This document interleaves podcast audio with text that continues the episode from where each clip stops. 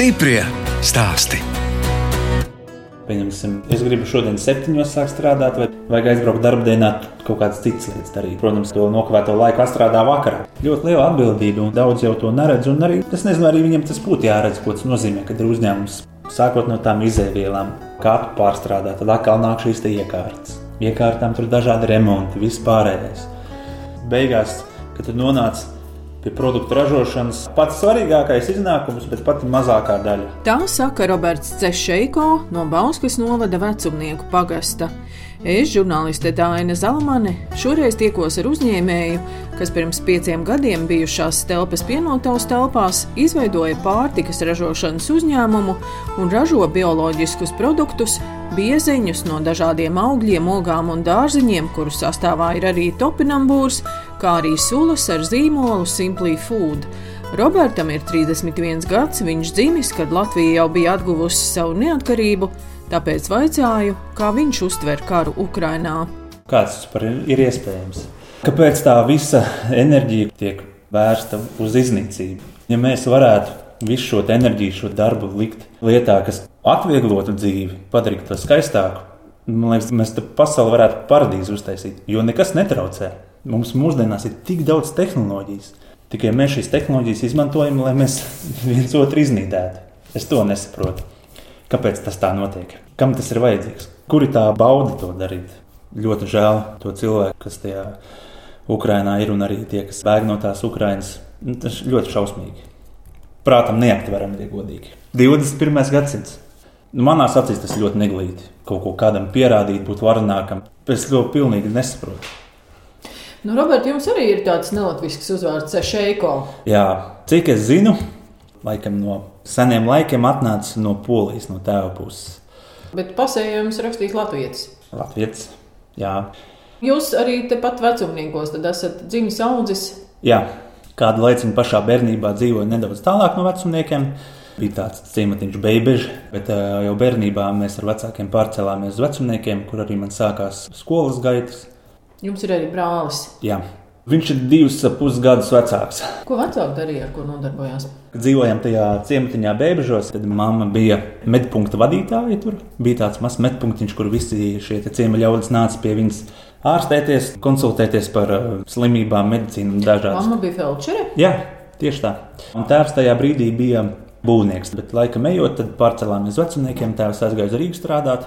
Tad mamma arī aizgāja uz stradiņiem strādāt. Viņa nostrādāja, man liekas, 15 gadus sociālā dienesta vadītāja. Viņa bija strādājis slimnīcā. Bet tagad viņa atkal ir atgriezusies vecumniekos. Arī vecumnieku veselības centrā strādā. Uz ko vecāki jūs abus ar brāli virzījāties kaut kādām sporta lietām?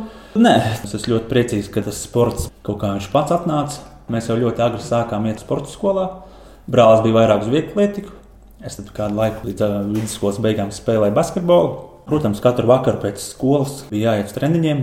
Paralēli sportam, es vecumniekos pabeidzu mūzikas un mākslas skolu. Vēl. Ko tu spēlēji? Man bija citi instrumenti. Bija grūti tajā brīdī. Tas tāds mirkļa uzplaiksnījums. Tad gribās, tad negribās. Protams, ka to visu vajadzēja pabeigt, ko es arī izdarīju. Un tas tagad arī mūsdienās forši, ko es tagad daru. Man ir forši hobiji, arī sports, neesmu pametis, kā arī muzicēšana sanāk. Kā bija jūsu bērnībā? Jūs vasarās arī gājāt, kaut kādus darbiņus darījāt vietējā kolhozā? Nē, tad jau tāda tā nebija. nebija īsti. Nē. Kad, bija tie nāca 11 gadi, tad jau vasaras bija dažādās sporta nometnēs. Tad, kad vidusskola nāca, tad jau, protams, bija kaut kāda darba arī tur.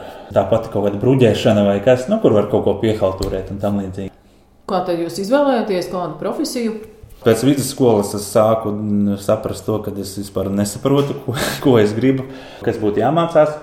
Bet es aizgāju mācīties uz turību, sabiedriskiem attiecībām, par reklāmu vairāk. Teikšu atklāti, neietu vairāk uz turieni, bet nevar tā teikt. Dēļ tā es arī esmu šeit. Jo mācījos augstskolā, es tiku praksē ražošanas uzņēmumā, Lāča maizē. Tā bija mana pirmā pieredze, kur arī kolosāli cilvēki bija. Es ļoti viņus cienu.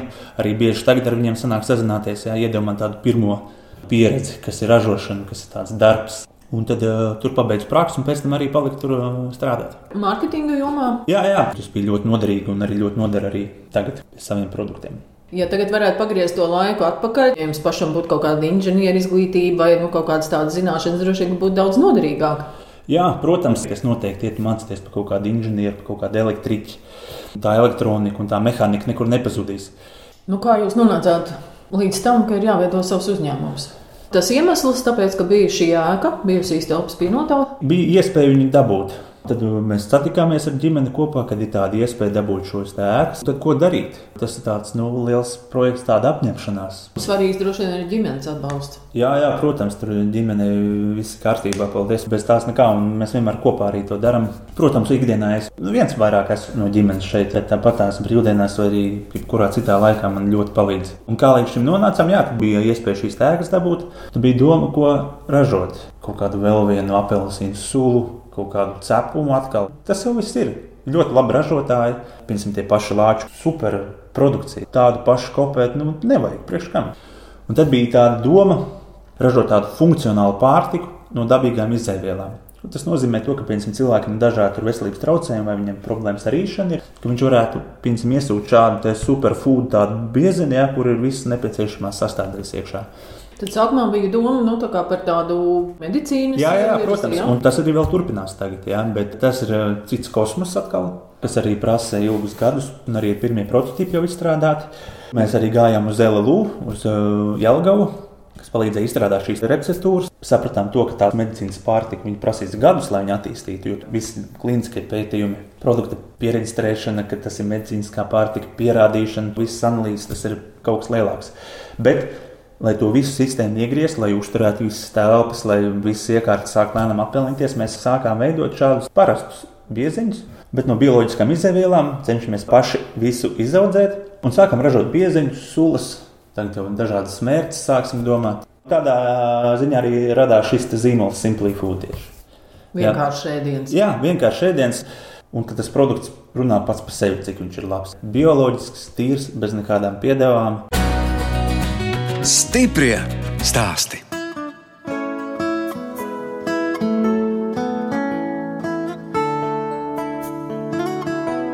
Jūs klausāties raidījuma stipri stāstī. Šoreiz ciemojos pie uzņēmēja Roberta Cešeiko, Bauskas novada vecumnieku pagastā.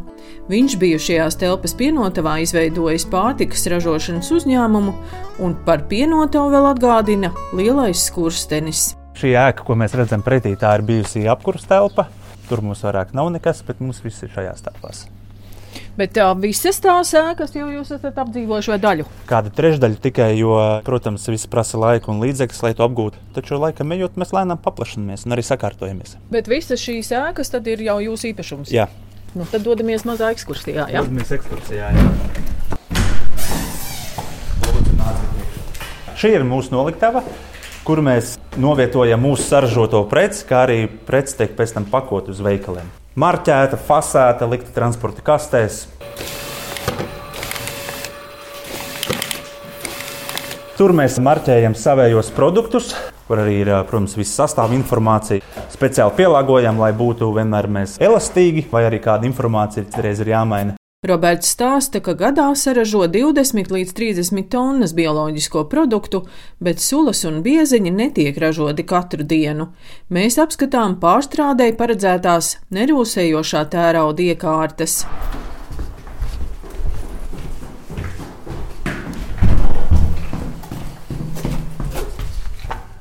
Protams, ja es tagad sāktu to darīt pavisam savādāk, jo man iepriekš šī pieredze nebija bet pieredze radās tikai strādājot. Un tikai ikdienas procesā tu vari izprast tās iekārtas, kuras ir nepieciešamas tavai darbībai. Jāstrādā ir tā efektīvi un galvenais, lai ir, kā es saku, maksimāli vienkārši, lai nebūtu nekāda lieka sarežģījuma. Jo, jo piemēram, tajā rudenī tās dienas ir ļoti garas un ļoti grūtas. Ja vēl ikdienā ir kaut kāda sarežģījuma darba procesā, nu, tas vēl tikai nu, garas stāvoklis nostājas leju. Ceks sadalīts divās daļās. Tālākā ceha daļa ir paredzēta rudens izēvielu pārstrādei, jo mēs izēvielas iepērkam paši vai arī izaudzējam paši. Pieņemsim, ābolu ienāk iekšā. Tad mēs ābolus mazgājam, tīram, rīvējam, sakarsējam un spiežam biezi no šīs iekārtas. Tā mēs darām ar katru izēvielu. Vai tas ir burkāns vai oga. Un pēc tam, pēc receptūras, mūsu darbs sākās šeit. Pieņemsim, šajā katlā mēs sajaucam receptūru, Tur topnamburs, upene ar ābolu kopā. Mēs viņu vāram, Un tad mēs caur sūkņiem laižam uz homogenizatoru. Tas nozīmē, to, ka masa paliek viendabīga. Jo katrai izēvielai tās daļiņas ir lielākas, mazākas, bet šī iekārta viņu uztaisīs viendabīgi un līdz ar to produkts nenoslāņojas. Un ir forša konsistence. Un šī ir pildīšanas līnija. Un tad tā, tā pa iepakojumam viņš tā pa līniju smuki arī aiziet iekšā un sapildās. Jūs teicāt, ka jūs tagad daudz ko darīt savādāk. Ko darīt savādāk? Ir forši, kad ir uh, iekārts ar uh, datoru visām sīkajām tehnikām, bet dažreiz vieglāk un ērtāk ir, ja tas viss kaut kā mehāniski tiek darīts. Piemēram, šīs vārīšanas katls, kurš mums ir ļoti labs, mēs produktu vāram vakumā, tur saglabājās garšas īpašības un arī viss uzturvērtība, bet tā darbība notiek caur datoru. Un iedomājieties, tiklīdz kaut kāds mazais vadiņš noiet greizi, apstājās pilnīgi viss. Bet pieņemsim, mums tie katli, kas ir paredzēti, kur mēs varam izēvielu. Tur ir tikai starta poga un maisītājs griežās. Tur nav elektronikas vai kaut kādi vārsti vai kaut kas tamlīdzīgs. Viss ir ļoti vienkārši mehāniski. Pieņemsim, tas pats vāks. To var atvērt ar roku. Šis atverās speciāli ar gaisu. Ja notiek kaut kas kompresoram, to nevar atvērt vāku vaļā. Tas ir tikai Tas sīk. nozīmē, ka tā tehnika jau ir pa gudru. Vai arī es neesmu tik gudrs. Tas arī ir jāņem vērā. Tā tad arī Eiropas nauda jā, protams, ir ieguldīta. Jā, jā, Eiropas projekts arī mums bija pašā sākumā, kas bija tieši uz šo iekārtu iegādi un arī uz telpu remontiem. Un tas atbalsts bija 50%? 40. Tas tāds labs starts, labs atbalsts sākumam. Roberts apstrādā 90 hektārus zemes un 5 līdz 10 hektāros bioloģiski audzē topinambūru, 3 hektāros ķirbjus, 2 hektāros smilcērkšķus, 2 hektāros cidonijas un citas ogas un dārzeņus.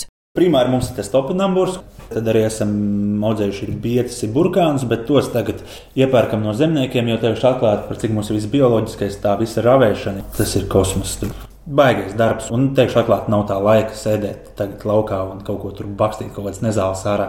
Tāpēc labāk ir pasūtīt no kāda lauksaimnieka, kas jau tajā specializējās. Vienmēr tā kvalitāte bijusi ļoti laba. Bet vēl pēc tam mums ir arī smilcerši iestādīti. Cidonijas un arī nākotnē varbūt kādas citas ogas arī būs. Bet, bet viss tiek audzēts bioloģiski. Protams, jā, jā, jā. Un, ja jums tās izvēles ir jāiepērk, ir viegli atrast zemniekus, kas arī audzē bioloģiski. Jā, ir arī portāli dažādi, kur tu vari ievietot sludinājumus. Ja jūs pērkat tās izvēles, tad tur droši vien arī jābūt visiem certifikātiem, ka tas jā, ir mērķēts certifikāts. Jā. Tā kā tās pārbaudas brauc pie viņiem, kas certificē viņus bioloģiski, un arī tās pašas pārbaudas arī brauc pie mums. Tad jau mēs zinām, ah, jūs bijāt tur pie viņiem. Tā Latvija jau nav diezgan liela. Kur ir tālākie zemnieki, no kā jūs iepērkat? Bija āboli no liepājas puses arī ilgadēja sadarbība. Un ko nozīmē, ka arī tā ražotne jums ir bioloģiska? Tas nozīmē, to, ka mēs savā ražošanas procesā izmantojam tikai bioloģiski audzētas izēvielas. Mums nav šī kaut kāda konvencionālā. Piemēram, mēs tagad kaut kādas kartupeļus varbūt ņemtu, kas nav bioloģiski audzēti. Mums būtu jāveic šī dalītā ražošana. Vienā dienā ražo to produktu, tas ražotais produkts glabājās citā vietā, lai tur nebūtu nekāda satikšanās bioloģiskiem ar nebioloģisku produktu. Pirmā produkta - ābolu, upeņu un topinambūra biezeņa izstrāde, kas tapusi sadarbībā ar Latvijas Lauksaimniecības Universitātes pārtikas tehnoloģijas fakultātes pētniekiem, ilgusi gadu. Kāpēc tas topinambūrs? Tas bija arī, kad izstrādājām receptūras, tad viens no tādām inovatīviem pielietojumiem, jo iepriekš nekur to topinambūru nekādos bieziņos sulās, cik mēs pētījām, nebija. To Jāgavas zinātnieki ieteica? Jā, jā, protams. Jo paši mēs to neizdomājam. Bet tagad tā jau tā, tā kā ikdiena jau ir. Jā, mēs katru rudeni stādām to topinamburu, arī novācam to ražu. Un tad notiek tā visa apstrāde, un tad arī teikums pievienots. Bet topinambūrs ir garšai. Viņam ir, protams, tāda specifiska garša. Daudziem viņš patīk, daudziem viņš nepatīk. Tāpēc mēs produktu sāksim ražot arī bez viņa, lai būtu plašāks klāsts. Viņam tā garša ir tāda, tā kā varbūt nedaudz rīkstaina piegarša, bet viņš ir labs inulīna avots. Uz gremošanas sistēmu viņš tā kā labi tajā ziņā arī nodara. Mēs vienmēr, kā saka, esam atvērti idejām, eksperimentēt ar dažādām citām garšām, izēvielām. Jo cik ir izdeviela, tik arī ir garšu iespējas. Tā sadarbība ar Latvijas Lauksaimniecības Universitātes pētniekiem ir bijusi veiksmīga. Nu, ir jādomā par kaut kādām jaunām garšām, jauniem produktiem. Jā, protams, ja jāvēršās pēc kaut kādām idejām saistībā ar pārtiku produktu izstrādē, es viennozīmīgi varētu ieteikt viņus. Tā visa pieredze, tā zināšanas, ko tie cilvēki arī ir devuši, ir ļoti, ļoti noderīga. Vienīgais, gan, ko es pateikšu, es nezinu, kā to izdarīt. Es vienmēr cenšos praktikantus ņemt ir vairāk jāsūta uz praksēm ražošanas uzņēmumos, lai ņem tīra, mazgā, skrūvē, berž, lai saprotu to, ka tas ir ražošanas process. Jo citreiz bija tā, ka atnāk un tukša bilde, un es čalīts, kam nav nekāda izglītība. Ražošanas procesā es teikšu atklāti, es vienā setā varētu izlikt. Jā, tikai tāpēc, ka es ņemu darbojos. Tas tāds ieteikums būtu. Skatoties kā, no tirgus puses, visi zina, kas ir zemene, ābols. Bet varbūt no tā nevajag baidīties, ka kādam arī tādas garšas jau pieņemsim, ir pieni ar kaut kādām zemeņu garšām un tam līdzīgi. Bet kā to pašu zemeni pagriezt savādāk, pievienot vērtību? Pašiem izaudzēt, pašiem izspiest no viņas to sulu, to biezenu. Pilnīgi cita garša. Mēs vienreiz pamēģinājām, testa variantā pasūtījām tur vienu kilogramu par augu. Tur no ārzemēm jau gatava tādu zemeņu biezeni. Tā garša vairs nav tik izteiksmīga kā pašu zemes, ko tas pārstrādājis. Bet šie biezeņi ir tā kā bērnu pārtika. Nē, mēs viņu nepozicionējam kā bērnu pārtika, bet, protams, ar klientu un arī pazīstamie, kas viņus pērk bērniem, uh -huh. un mhm. arī brālis dod savam mazajam šos biezeņus mūsējos. Kāpēc viņš netiek pozicionēts kā bērnu bieziens no sešiem mēnešiem? Tam līdzīgi tas viss ir atkarīgs no izdevielām. Piemēram, ābolam tur ir specifiskas tādas prasības, kas ir jāievēro, lai viņi varētu dot zīdaiņiem. Tas var būt tāda nākotne, kad atvērt atsevišķu līniju, kas būtu bērniem. Tas simplī food bieziens ir Es skatos to tā, ka tas ir augļu, dārzeņu, ogu miks, tāds dabīgais enerģijas avots, ko tu vari izmantot brokastīs, vai arī tu pieņemsim kavē pusdienas, un tev gribās ēst, viņš ļoti labi aizstāja, viņš arī ļoti barojošs. Kā arī pirms vai arī pēc sporta dabīgi ugļhidrātu avoti iekšā superprodukts. Es arī viņus pats ikdienā lietoju. Protams, tagad mazāk, jo es esmu atklāts, viņas diezgan daudz arī pārējais pats. Bet eh, man ne, ne, ne, ļoti garšo un, un es arī ļoti labi ikdienā nodaru. Tiešām. Kādas sulas tad jūs ražojat? Sulas man nāca mums pēc tam, kad bija saprast kaut kāda ražošanas vispār apjēga, vai kā to nosaukt. Un tad uh, sulas mums arī ir dažādi sajaukumi. Protams, pamatā ir ābola sula, un tad, piemēram, tur ir klāts tas pats burkāns vai ogas dažādas, vai zemes ar rabarberiem, un arī simtprocentīgas sulas. Tikai tīras izēvielas, tur nav nekāda ūdeņa klāta, ne saldinātāja, nekas, tikai tīra simtprocentīga sula. Tas, ko es noliktavā redzēju, jums tomēr bija tādi mazi iepakojumi. Tas tā apzināti, gan tās suliņas ir mazas, gan tie biezenīši, nu, nezinu, cik tur gramu. 160 gramu iekšā, jā, tas ir tā apzināti. Mēs arī vienreiz mēģinājām, piemēram, sulas tirgot 3 litros. Jo es teikšu, atklāti, tāda trīslitrīga dabīgā sula, kur viss tikai simtprocentīgi izjavās iekšā, viņa plauktā, tā cena iztīsies pēc kosmosa. Un varbūt viņi nopērk cilvēks vienreiz vasarā, kad brauc pie omas atpūsties uz laukiem Jāņos. Pa dārgu, bet tāpēc ir šie mazie produkti, un tas ir tas, ko tu ikdienā paķer līdzi. Tev... Tā jums tagad neiebilst, ka tomēr mazie produkti, vairāk atkritumu. Protams, ka tas nav nekāds super eko kartons, kurš tagad ir sašķīdījis divos gados, bet es vienmēr arī runāju ar iepakojumu ražotājiem, kur tas piedāvājums ir. Vairāk būtu jāpiedomā tieši tam ražotājam. Tas tas pats, kas jebkurš cits plasmas iepakojums, par ko var saka, pukstēt, ka tas ir slikti. Bet man vienmēr ir pretjautājums, vai jums ir labāks ieteikums. Protams, vienmēr par ekoloģiju ir jādomā, ilgtermiņā jādomā. Tāpēc, piemēram, sulas mēs pildām stikla pudelēs. Kā to uzlabot? Pildām kartonu kastēs un saldējam. Izēvielas mēs varam pārdot saldētas, uzglabāt. Tas arī mums tāda viena specifiska ražošanas tāda metode, ka mēs tās izdevības saldējam. Tas mums bija atviegloja ražošanas procesu. Pārstrādes sezonu garāk. Jā, jā, jā, un tad mēs sapratām, ka, lai optimizētu ražošanas procesu, mēs izēvielas dažas arī saldējam. Jā. Kā jūs teiktu, kas ir tas grūtākais ražošanā? Rudens.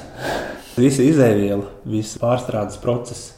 Tas ir fiziski grūtāk, un arī morāli grūtāk. Un, protams, arī visi šie tumšie laiki nāk virsū, kad neko neredz, tikai piecelies, tumsa, strādā, jā, esi noguris, aizej mājās, tumsa.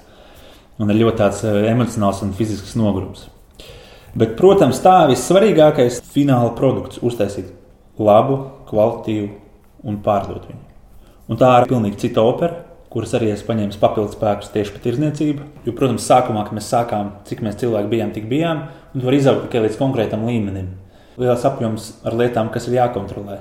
Tāpat ir ražošana, visi iepirkumi, dizaini, bet ir arī tā pārdošana, viss, kas atkal ir process, sekošana līdz plauktiem, cenām, jauniem tīkliem, jauniem veikliem, piegādēm, akcijām, mārketingiem visiem. Tam ir jābūt uh, kvalitīvam darbam, ar pilnu atdevi, Teicāt, pastāvīgi jums strādā 4-5 darbinieki no nu, sezonā vairāk. Kur jūs ņemat šos darbiniekus? Ir tepat vietējie? Tepat vietējie, jā. Arī tagad ir sadarbība ar LLU darbiniekiem. Man ir tagad cita tehnoloģija, kas arī tepat vietējā. Cenšos, cik varu vietējos ņemt, bet pagaidām maksimāli maz. Teikšu atklāti, es te vienu brīdi biju paņēmis arī vietējo cilvēku.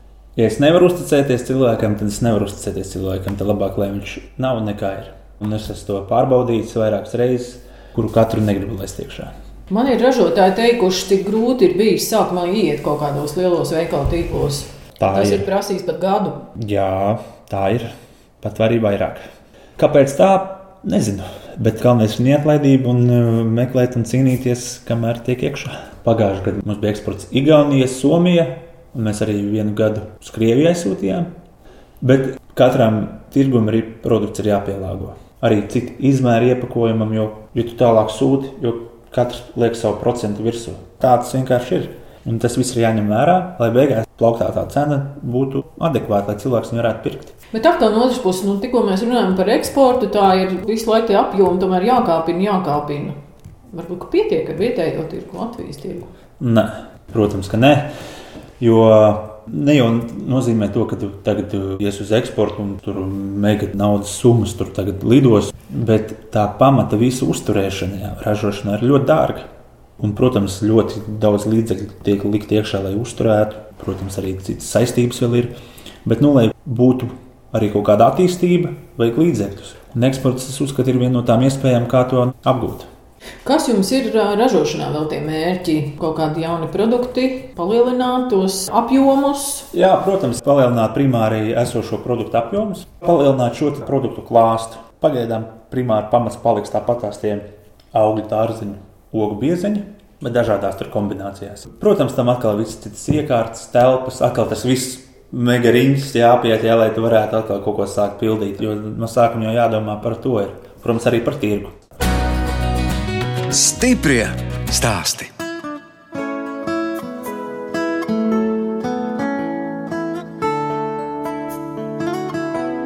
Jūs klausāties raidījuma stipri stāstī. Turpinu ciemoties pie uzņēmēja Roberta Šeiko, Bauskas novada vecumnieku pagastā. Viņš bijušās telpas pienotās telpās izveidojis pārtikas ražotni. Robertam vaicāju, kā viņš atpūšas no darba lietām. Tā ir sakrīts, ka man eh, viena piegāde visu laiku uz vienu veikalu tīklu katru sestdienu. Pats ņemu, pats ceļu, pats vedu. Un tad pēc tam, protams, es braucu apakaļ uz ražotni. Es sagatavoju visu priekš nākošās nedēļas. Dažādas apkopes, visu kaut kādas lietas, varbūt pēdējie dokumenti darba. Tās brīvdienas sākās vakarā, sestdienā ap kaut kādiem trim, četriem.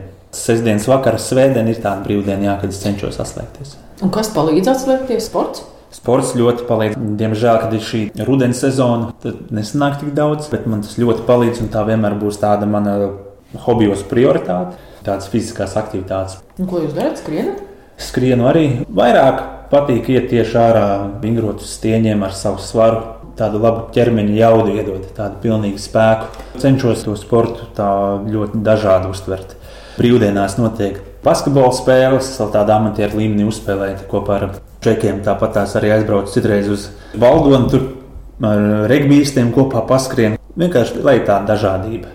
Katrā ziņā, protams, nekāda tur sporta mērķa nav un arī nebūs. Tas tā vienkārši, lai uzturētu sevi vienmēr tādā aktīvā formā.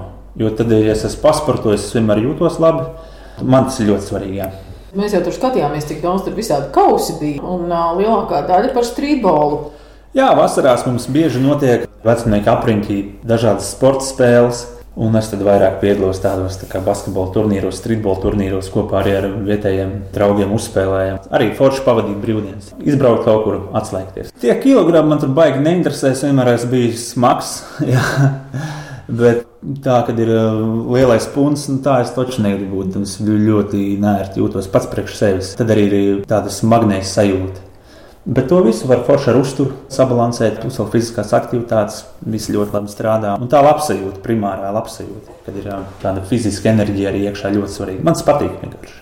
Šeit vecumniekos varbūt vairāk uz volejbolu iet. Mans īpaši nesaist. Es braucu tad basketbolu spēlēt uz blakus ciematu. Tad arī uz Baldonu arī aizbraucu reiz pasportot. Jo es tur mācījos vidusskolu Baldonē, un tur arī ļoti labi kontakti palikuši ar visiem, ko es pazinu. Baldonē, man liekas, tāds skaists stadions jauns. Ja tur ar stadionu viss ir kārtībā. Jā. Ļoti patīk. Tur arī, arī speciāli braucu tieši uz to stadionu makaros, turien pasportot. Jā. Un tad otra lieta ir tā roka mūzika. Jā, mūzika pēc mūzikas skolas pabeigšanas palika. Es, protams, sevi baigo mūziku neuzskatu. Un tas tāds arī pilnīgi cita nozara. Un arī palīdz pilnīgi savādāk, arī domāt, atslēgties, savādāk smadzenes pagrozīt. Arī lieliski iespēja, piemēram, reizes vasarās kaut kādiem festivāliem aizbraukt, uzspēlēt. Un kā jūs esat pamanījis, pat divās roka grupās spēlēt? Man tā esošā grupa Harta, kas ir, mēs vienmēr esam arī turējuši. Kur te vecumniekos? Nē, nē, tas ir vairāk Rīgā. Grupas biedrs Toms ir no vecumniekiem, bet tā mēs vairāk par Rīgu. Bet arī bieži braucam pie manis mēģināt. Tagad dēļ visiem covidiem un tam ir pauzīti. Kad sākās šis viss covid, tad man piezvanīja otra grupa. Sanktimonija ir tāda grupa Latvijā arī Rīgā, jā, un tad viņi man uzaicināja. Bet es viņiem arī sākumā teicu, nu, es neesmu nekāds superčālis. Protams, es vienmēr esmu virzīts uz attīstību, jā, bet eh, tas limits, ko es veltu mūzikai vai sportam, cik daudz veltu, nu, tā ir mana brīva izvēle. Jo es nekad nebūšu ne profesionāls mūziķis vai sportists. Tas man tāds labs hobijs, kur kārtīgi izlādēties, kopīgi labi pavadīt laiku. Roberta, jūs jau teicāt, sievas jums vēl nav, nav laika. Teikšu atklāti, es vienmēr vēroju tādas jaunas ģimenes, ko tur ņemās, strīdās, apprecās jauni, tad ir bērni, tad viņi atkal šķirās, un tad es skatos, kas tas par marazmu ir. Un es domāju, kur tā problēma ir? Es saku, problēma ir večos, kuri nav pietiekami attīstījušies un kur nevar eh, kontrolēt savu kaut kādu emocionālo būtību vai ko. Un, jo, piemēram, tāda ģimenes veidošana tā ir tāda liela lieta. Tā ir tāda svarīga lieta, kurā es gribu Tā kā, kad es iešu, tad es arī atdošos pilnvērtīgi. Cits. Būsiet labs un atbildīgs tētis. Jā, protams. Vēl izstāstiet par brāli. Brālis jums ir ārsts. Jā, viņš darbojās ar sievietēm, kuras saskarās ar onkoloģiju, precīzāk ar krūšu vēzi. Un tā metode, kā viņš palīdz, ir fiziskās aktivitātes. Viņš studējot Norvēģijā, apgūta un arī izpētīja speciālas fiziskās aktivitāšu metodes kā labāk uzlabot cilvēku enerģiju, cilvēku ķermeni, lai vieglāk būtu pārvarēt šīs ķīmijterapijas vai arī situācijas pēc ķīmijterapijas. Vai brālim arī bija kāda ietekme, kad jūs sākāt domāt par šo speciālo pārtiku cilvēkiem, kuriem ir veselības problēmas?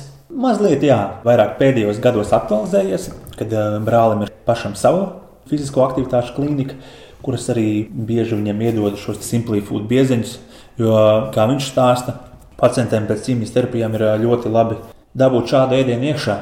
Jo ķermenis ir noguris, novājināts ne tikai fiziski, bet arī emocionāli. Un tikai pēc tādām lietām ļoti labi prasās kaut kas tiešām veselīgs, ar vienkāršu konsistenci, kur nav nekādas grūtas sagremojamas lietas. Par vecumniekiem pastāstiet, kur tie jūs vecumniekos dzīvojat? Dzīvoklī, mājā? Nē, es dzīvoju tagad mājā. Iepriekš dzīvoju kopā ar vecākiem. Patīk vecumnieki. Es arī, reiz, kad es dzīvoju agrāk, iepriekš Rīgā, es bieži tāpat braucu aiz vecumniekiem. Man tomēr tā lauka smarža mm, patīk vairāk. Tajā pilsētā tā drūzma visa man kaut kā nu, nērti jūtos. Tāpat tās bieži sanāk braukt uz to Rīgu, un ar to man arī pietiek. Bet vecumniekos nē, viss ir kārtībā, man patīk.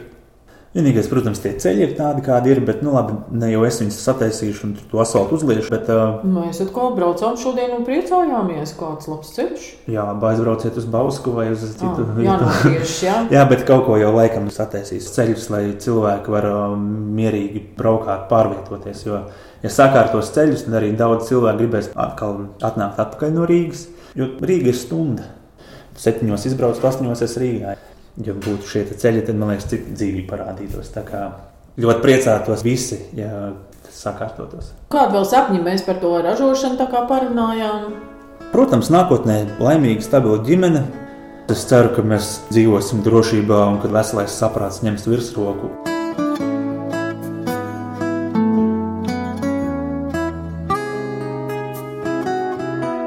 Radījums stipri stāst izskan, un mēs atvadāmies no uzņēmēja Roberta Cešeiko, kas Bauskas novada vecumnieku pagastā ražo bioloģiskus augļu, ogu un dārziņu biezeņus un sulas ar zīmolu Simply Food. No jums atvadās žurnāliste Dāna Zalamane un operātore Inga Bēdele. Tiekamies pēc nedēļas!